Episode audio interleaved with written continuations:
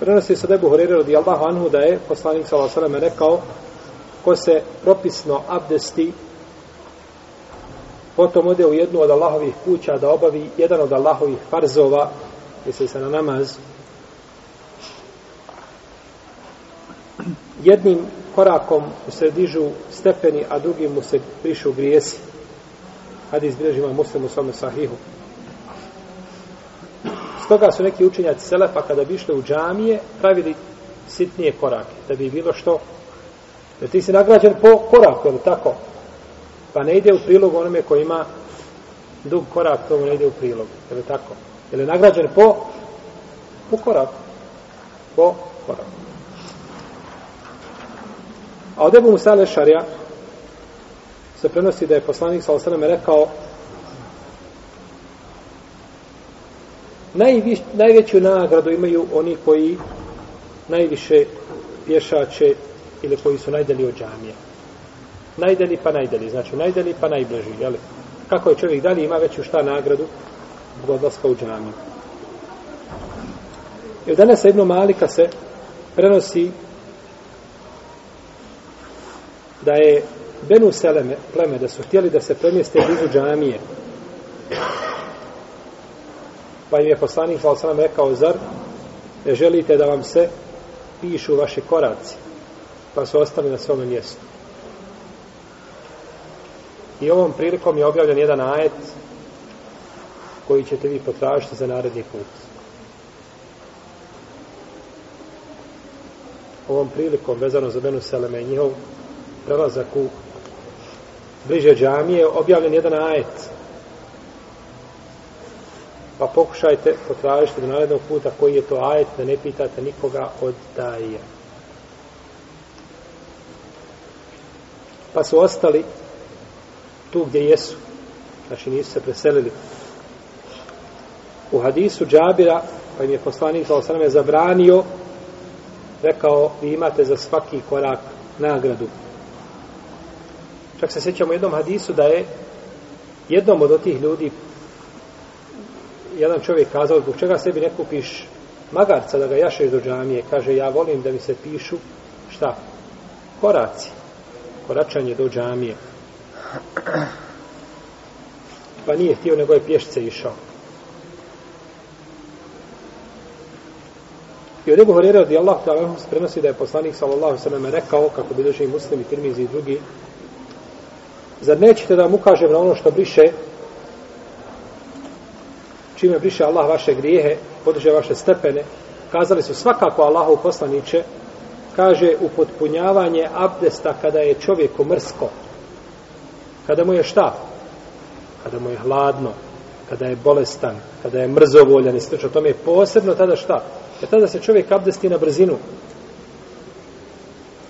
Pa i ne uzme abdest kako treba ponekad. E, tada kada je, znači, naj, teže čovjeku ili je sav mrzovoljan tada da uzima potpun abdest kako ga uzimao poslanik sallallahu alejhi ve selleme i da čini puno koraka do džamije i da čeka od namaza do namaza fezalikum ribat to je kaže ribat i to je bdijenje ili budnost na Allahovom putu. I prenose e, Ibn Buhari i Muslim da je poslanik sa osvijem rekao men gada ila al mesjidi u raha e adda Allahu lehu nuzulen min al dženneti kullama gada u raha. Kada god čovjek pođe u džamiju ili se vraća u džamije Allah mu pripremi novo mjesto u džennetu odlazi u džamiju jedno ti mjesto pripremi u džennetu vraćaš se iz džamije drugo ti mjesto pripremi u džennetu pa i odlazak tvoj u džamiju i boravak u džamiji i povratak iz džamije sve je to haj i nikada čovjek nije na gubitku. Pa su najsretne, najnesretniji oni koji kažu da gube vrijeme pri odlasku u džami ili boravku u džami, slično tome, gube vrijeme na drugom mjestu, a ne gubi se vrijeme, vrijeme se ne može izgubiti u džami, ako se drži čovjek normi koje je uspostavio Rasulullah sallallahu alaihi wa sallam. Da čovjek odlazi da požuri u džamiju i da porani. Pa od Ebu Horeira radijallahu ta'ala se prenosi da je poslanik sallallahu alejhi rekao kako bilježe Buharija i Muslim kada bi znali šta je u požurivanju na podne namaz da čovjek porani, natjecali bi se ko će više poraniti. I da znaju šta je na sabahu i jaci došli bi tamani puzrući u džamiju. I kada bi znali šta je u prvom sapu, ne bi dozvolili da iko uđe u prvi sap, osim da se kocke bacaju, odnosno da se natječu ko će prvi doći u sap. A poslanik sa osvrame kaže u hadisu koga bliže Buhara i Muslim, kada uđe u džamiju, on je u namazu sve dok ga zadržava namaz u džamiji. Pa kada bi čovjek ušao u džamiju podne i čekao ikindije, on je u namazu do ikindije. Tako do akšama, tako do jacije, bio bi znači cijelo vrijeme u namazu. Dolazak u džamiju mirno, bez žurbe. Od Ebu Katade radijallahu ta'ala anhu se prenosi da je rekao, penjali smo za poslanikom, sallallahu sallam, pa je čuo a, udisa i izdisa je. Pa kada je završio namaz, rekao je, šta vam je? Pa su kazali, požurili smo na namazu Allahu poslaniće. Pa je rekao, nemojte tako činiti, kada dolazite na namaz, dolazite smireno i polahko, pa šta stignete, klanjajte za imamom, a šta vas je promaklo, naklanjajte. Znači, bez imalo žurbe da se ide u džamiju. A u predaju Ebu Horeira radijallahu anu koji isto bilježe Buhari i Muslim kao i prethodnu, kaže poslanik sallallahu alaihi wasallam kada čujete i kamet, idite na namaz mirno i spokojno. Čuo si i kamet iz daleka. Možda se i kamet uči na mikrofon, pa se čuje, polako idi dok ne dođeš u džamiju. Pa kaže poslanik sa osrme, ne žurite, ono što ste stigli, klanjajte, a što vas je promaklo, naklanjajte.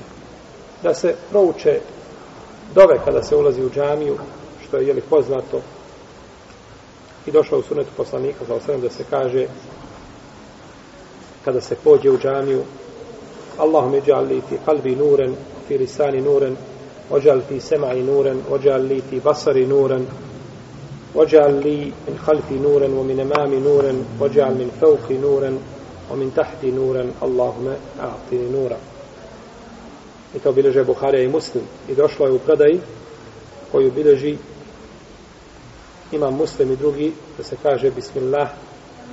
Allahume salli ala Muhammed Allahume iftah li ebu rahmetik kada se znači ulazi u džamiju i druge ili poznate dove koje se uče.